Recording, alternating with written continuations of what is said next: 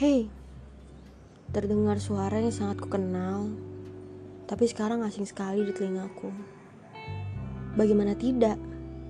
Ia yang berproster 180 cm dengan kulit tak begitu cerah, tapi sangat maco di mataku. Pergi meninggalkanku dua tahun setelah aku bersamanya. Walau tak selalu indah, tapi ia tetap seseorang yang pernah membuat aku bahagia. Aku pun menoleh ke arahnya dengan heran. Kenapa aku harus bertemu lagi dengan dia? Orang yang selalu ini ingin kulupakan dalam hidupku.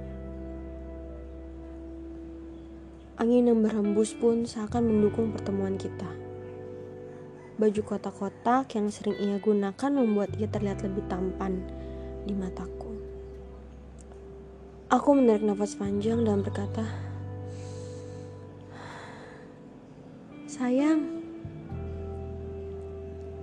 entah kenapa malah kata itu yang terucap dari bibir pucat ini.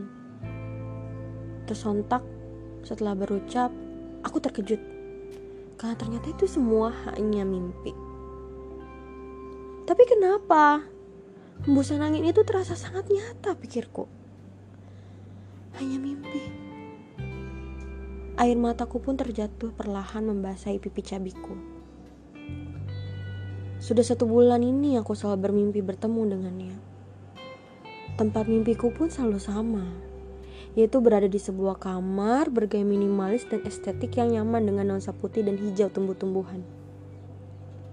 Kamar ini seperti rumah impian yang selalu kudambakan bersama Vero.